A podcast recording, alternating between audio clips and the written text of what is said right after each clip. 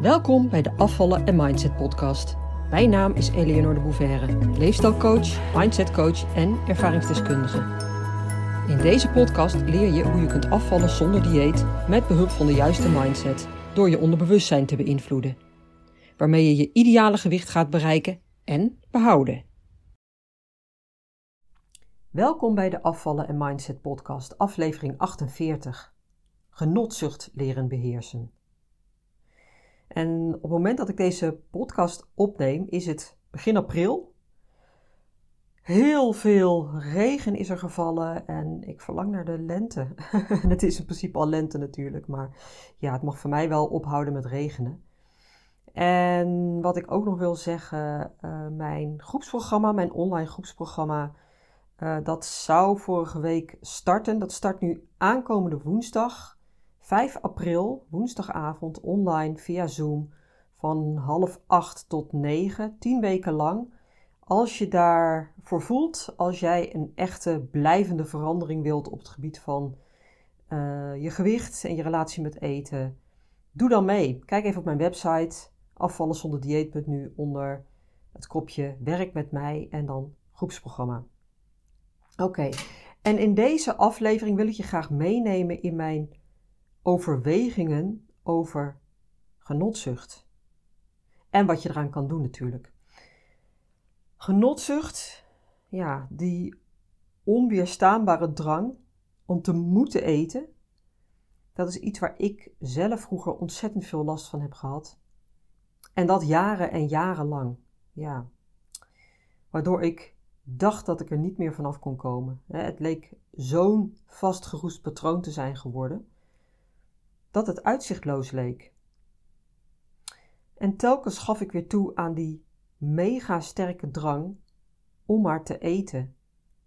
Terwijl ik eigenlijk geen honger had. Hè? Maar ik gebruikte dat eten natuurlijk om andere redenen. Namelijk om mijn onderliggende emoties niet aan te hoeven gaan. Ik wilde niet voelen. En daarnaast had mijn lichaam ook, uh, die herkende het ook als een vast patroon. Hè? Dus ook mijn lichamelijke behoefte was heel groot op die momenten. En mijn brein, ja, die stuurde daarop aan. Hè? Want het begint altijd in je gedachten. En in mijn hersenen was dus een neuraal pad aangelegd. Zo'n olifantenpad, waar ik al duizenden keren overheen was gelopen. Waardoor mijn brein er ook automatisch op aanstuurde. Nou,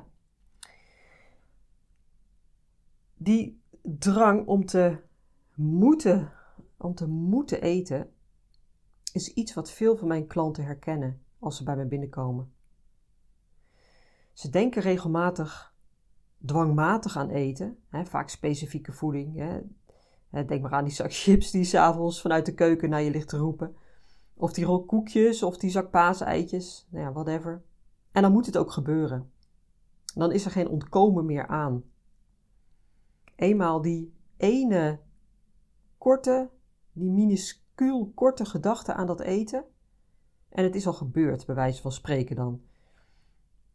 Want natuurlijk moet het dan nog uitgevoerd worden, maar je ontkomt er niet meer aan. En misschien herken je dat dan ook wel.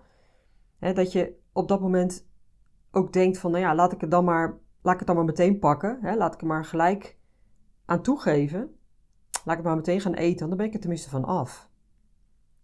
En je doet dat omdat je weet dat je dat gevecht in je hoofd toch gaat verliezen. Want natuurlijk wil je het niet. Maar je hebt al zo vaak geprobeerd om dat verlangen te onderdrukken, wat niet lukte, dat je daar geen moeite meer in wilt steken. Waarom? Omdat je je dan weer een loser voelt. dat is confronterend, dat doet pijn. Dus blijf je maar hangen in dat gedrag. En je weet simpelweg niet hoe je daaruit moet ontsnappen. In grote lijnen zijn er twee soorten honger te onderscheiden. Namelijk echte honger aan de ene kant en schijnhonger aan de andere kant. En schijnhonger, nou, dat is dus geen echte honger, hoewel je die soms wel zo kan ervaren. En vaak wordt het ook wel eens hoofdhonger genoemd. En op zich is die term wel passend bij het onderwerp genotzucht, want het start altijd in je hoofd. in je brein. Het start met een gedachte. Maar vaak ervaar je dat niet zo, omdat die gedachte zo kort is dat je er geen erg in hebt. En dat gebeurt natuurlijk grotendeels onbewust. Dus ik heb het liever over schijnhonger. En dat is wellicht ook duidelijker, denk ik, omdat, en zeker als je er echt goed naar gaat kijken, je zult inzien dat die schijnhonger dus serieus geen echte honger is. Oké, dus je hebt echte honger, maaghonger en schijnhonger. En bij mij was mijn relatie met eten zo ontzettend verstoord dat ik dat verschil tussen die twee niet eens meer herkende. Ik had nooit honger en ik had altijd honger, zeg maar. Het was zo'n puinhoop geworden. Dat ik stiekem soms echt jaloers kon worden op mensen die bijvoorbeeld, ja, nadat ze uren hadden gewerkt, dan ineens pas opmerkten van hé, hey, ik rammel van de honger. dat ze dus al die uren totaal niet aan eten hadden gedacht en dan ineens merkten dat hun lichaam een hongersignaal afgaf. Ik heb brandstof nodig. Ik had dat helemaal niet meer. En ik dacht de hele dag door aan eten. En ik was er ook bang voor, hè, voor sommige van die gedachten dan. Want die betekenden niet veel goeds. En misschien herken je dat wel, dat je allerlei ja, ehm, strategieën in je hoofd hebt om jezelf te kalmeren, om jezelf om de tuin te leiden. Hè, door bijvoorbeeld aan andere dingen te denken of uh, door afleiding te zoeken. Dat soort trucjes. Maar in feite zijn dat allemaal maniertjes om het uit te stellen. Want op een gegeven moment, ja, barst toch die bom. En soms dacht ik dan ook van nou, laat ik er dan nu maar aan toegeven. Als het praktisch gezien dan ook kon, hè? dus als ik alleen was bijvoorbeeld. En andere keren stelde, ik het maar uit. Hield ik mezelf voor de gek en deed ik net alsof er niets aan de hand was. Maar ergens wist ik natuurlijk heel goed wat ik deed. En dat het op zeker moment ook ja, tot uitdrukking zou komen. Maar ja, ik had ook nog andere verplichtingen, hè, school en later werk. En daaromheen moest ik dan die gigantische drang, die genotzucht, in goede banen zien te leiden. Doodvermoeiend, echt doodvermoeiend. En het gekke is dat ik me dat vooral pas realiseerde toen ik dat allemaal achter me kon laten. Toen ik, toen ik die, ja, die strijd met eten opgelost had. Toen ging ik pas zien hoeveel energie ik daar dagelijks aan had verspild. En wat ik daardoor allemaal wel niet gemist had. En dit is overigens ook iets wat ik vaak terughoor van mijn klanten. Als ze al wat verder zijn en als ze zelf ook die strijd met eten aan het oplossen zijn, of als ze inmiddels al een fijne relatie met eten hebben. En wat een rust ze dat geeft en wat een ruimte er daardoor vrijkomt. En niet zelden zeggen ze dan ook iets in de trant van: Als ik dit had geweten, dan had ik het al veel eerder gedaan. Dan was ik al veel eerder gaan werken aan mezelf en die strijd gaan oplossen. Maar ja, het punt is alleen dat je daar pas achter komt als je eenmaal op dat punt bent gekomen.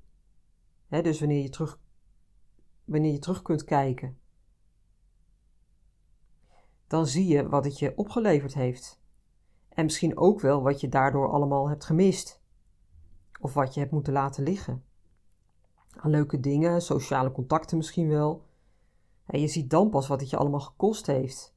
Die gigantische stress, hè, dag in dag uit. Als je nog midden in dat proces zit, dan ben je zo gewend geraakt aan die shit aan die strijd, aan die stress, dat het je misschien niet eens meer zo opvalt, want het is jou normaal. Je lijf is eraan gewend geraakt, je brein weet niet beter, het is jouw status quo. Maar als je dat gaat doorbreken, dan kom je op een punt waarop je terug kunt kijken En dan ga je dat zien. En dan ervaar je ineens die rust in je lijf en die rust in je kop, die je al heel lang niet meer hebt gehad. Oké, het, ehm, het herkennen en het ehm, kunnen onderscheiden, ehm, hè, dus van die echte honger en die schijnhonger, dat is dus heel erg belangrijk. En daarnaast is het ook essentieel dat je gaat inzien, dat je gaat begrijpen, in grote lijnen dan, hoe je brein werkt. Je brein, je oerbrein, hè, dus dat meest primitieve deel van je hersenen, is altijd op zoek naar plezier en genot. En uh, pijn probeert het te vermijden. En dat is ook nodig, want dat is de primitieve taak van dat oerbrein, hè, om jou veilig te houden. En nog specifieker, het moet ervoor zorgen dat jij overleeft. En dat was in de oertijd nodig, hè, zo is het gevormd, om je te behoeden voor alle gevaren. Maar ja, zo werkt het nog steeds. En die bedreigingen zijn natuurlijk totaal anders dan in de oertijd. Hè. Er zijn nu geen beren en wolven en tijgers meer. En ook geen hongersnood. Ja, of, of dreigende, dreigende honger. Maar dat weet jouw oerbrein niet. En die taak die dat oerbrein heeft, ehm, dat, die taak die voert hij zo efficiënt mogelijk uit. dus met de minst mogelijke moeite. Het moet zo min mogelijk inspanning kosten om energie te besparen voor andere dingen. En een van de manieren waarop het dat doet, is door te zoeken naar beloning. Dus het zoekt naar fijne dingen, fijne momenten waarop je kunt genieten. Die dan ook een beloning opleveren. En een van de manieren waarop je snel die beloning ervaart, is doordat je dopamine aanmaakt. Je lichaam maakt dopamine aan en dat ervaar je als een beloning, omdat het je een geluksgevoel geeft.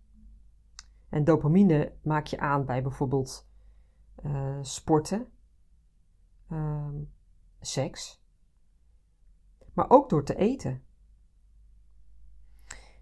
En eten is misschien vaak wel de meest makkelijke voor de hand liggende manier. Want dat doe je dagelijks. Hè. Het ligt voor het grijpen. Uh, iedereen doet het. Hè. Dat is een snelle oplossing.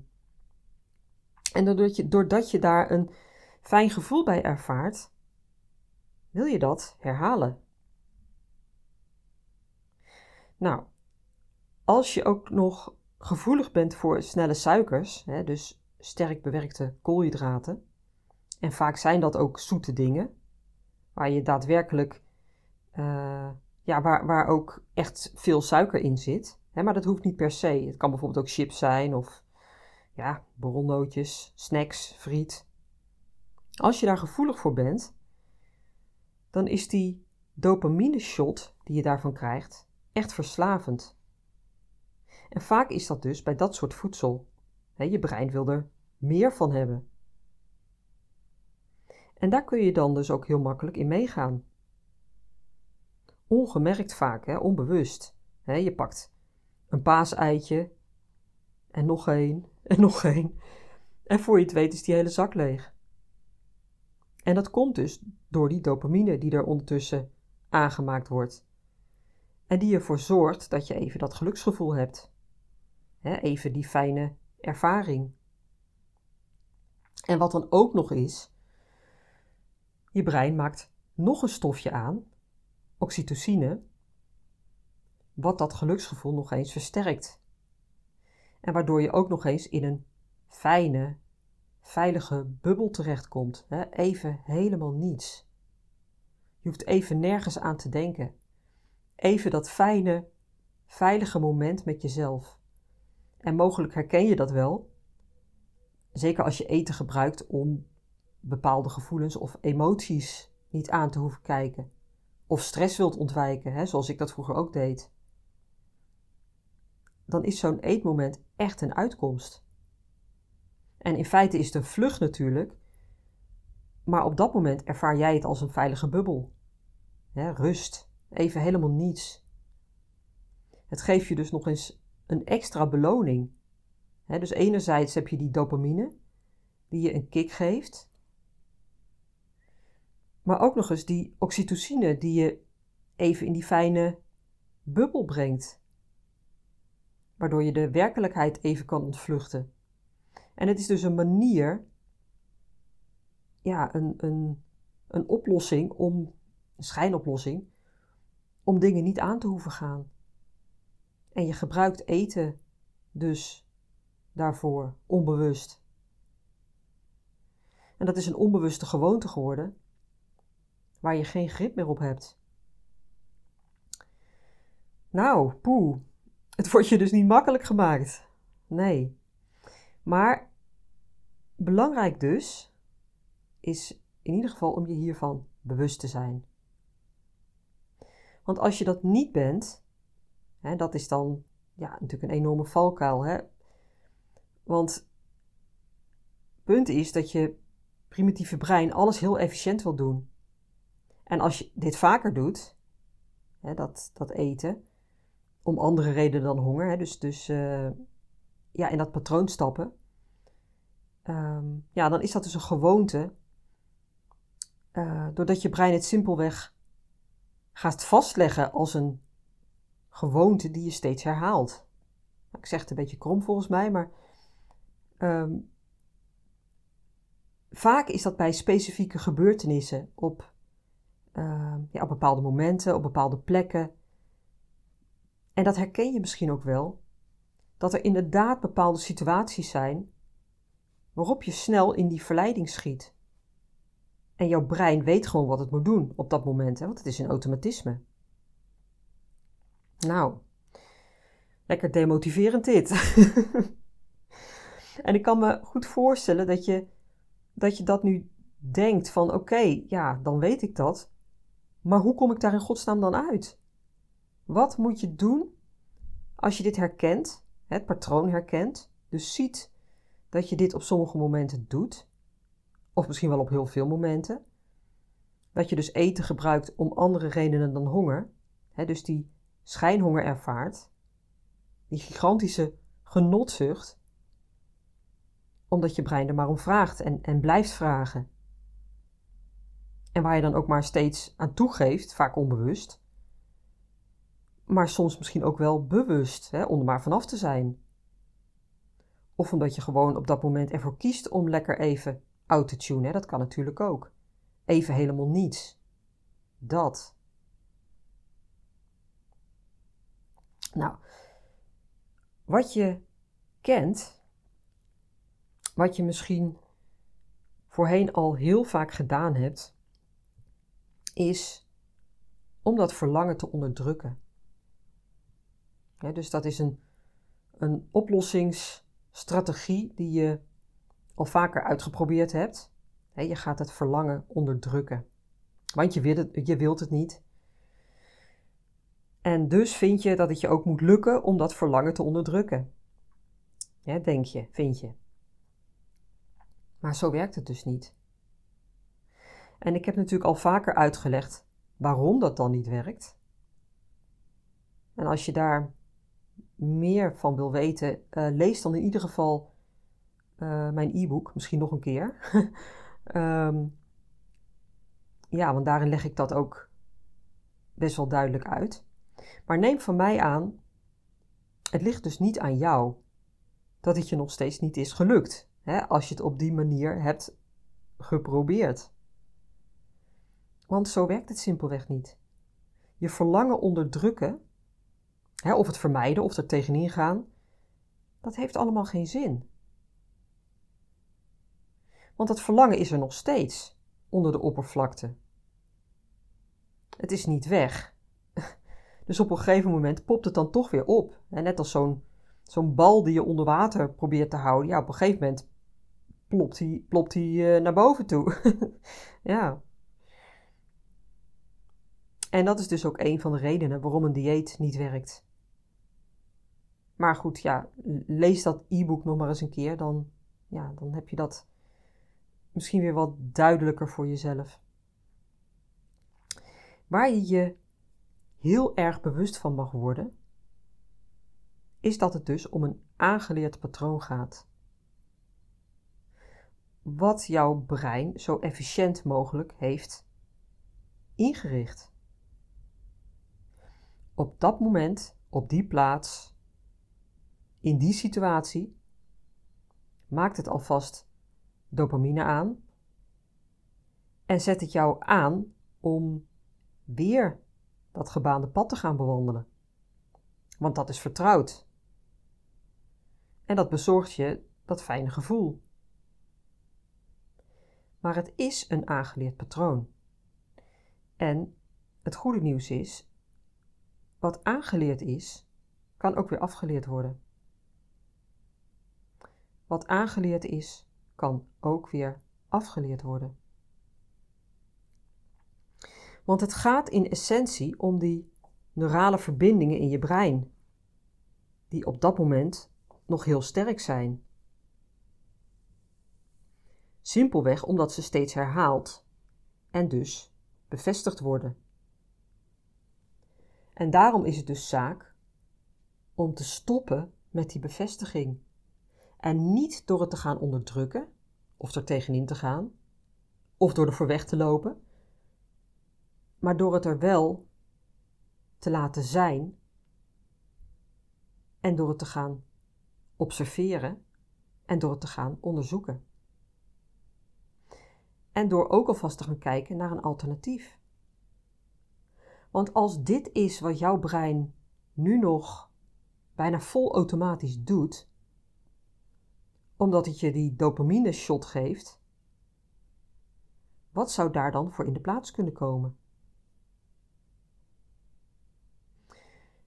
Wanneer je vanuit rust, vanuit kalmte,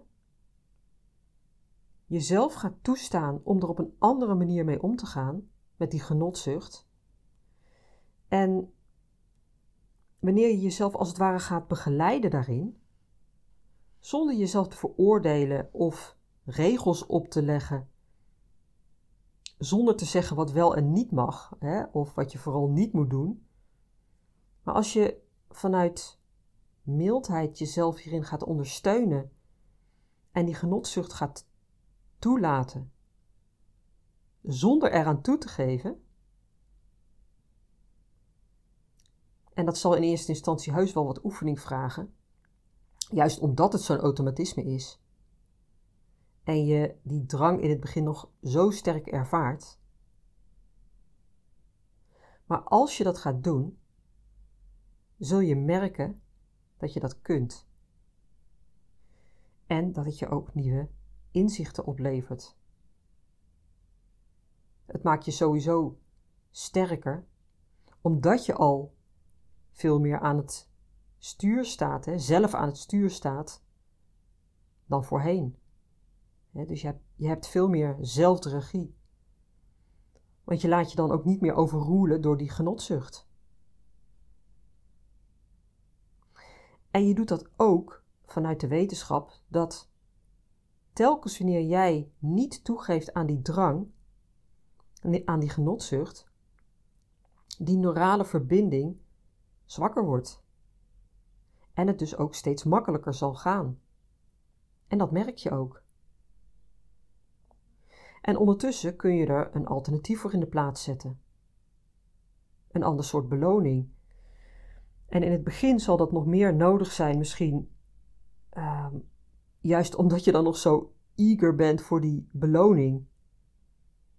Maar gaandeweg wordt ook dat minder. Dus misschien heb je die niet eens meer nodig. En is het gevoel van sterker worden, hè, van meer zelf aan het stuur staan, al voldoende beloning? Want dat is het ook, dat geeft echt een kick. En voor mij was dit echt een openbaring hey, ik ben zelf in staat om dit te handelen. Ik hoef geen slaaf te zijn van dat patroon. Ik kan die verslaving zelf doorbreken. Het gaf me echt zo'n enorme kick. Dat heeft me zo ontzettend veel gebracht. Niet alleen op het gebied van eten en mijn relatie met eten trouwens, hè, maar op nog veel meer vlakken. En mensen die mijn programma succesvol hebben doorlopen, die zeggen dat ook vaak. Je leert om veel meer zelf aan het stuur te gaan staan. Hè, met eten, maar eigenlijk op alle vlakken in je leven. Nou, en als jij dit wilt leren, dan nodig ik je van harte uit om deel te nemen aan mijn groepsprogramma. Online via Zoom. En daar kun je nog in. Ja, want vorige week zou de start zijn, maar die is verschoven naar komende woensdag, 5 april. Dus als je echt en blijvend wilt veranderen, ja, stap er dan in.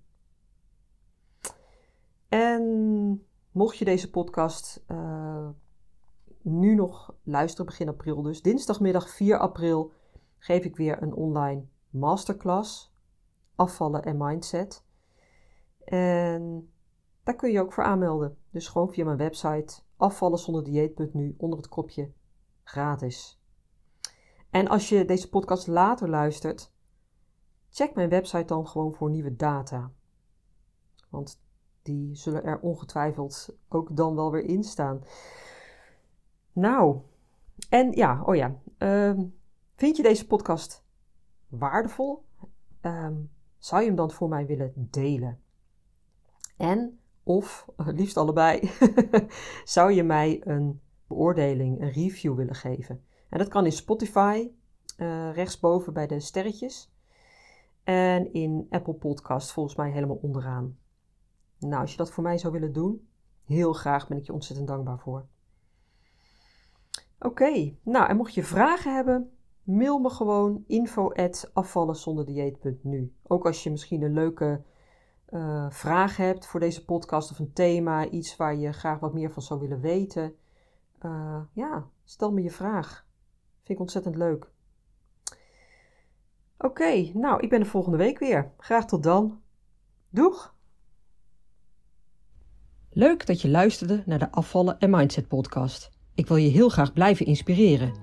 Als je je abonneert op deze podcast, ontvang je automatisch een berichtje als er een nieuwe aflevering verschijnt. Ik heb ook een gratis e-book. Dat vind je op www.afvallenzonderdieet.nu. Daar vind je trouwens ook mijn inspirerende blogs, die je automatisch in je mailbox kunt ontvangen. En tot slot, volg mij op Facebook en Instagram. Wil je meer weten over mijn programma Afvallen zonder dieet? Ga naar www.afvallenzonderdieet.nu.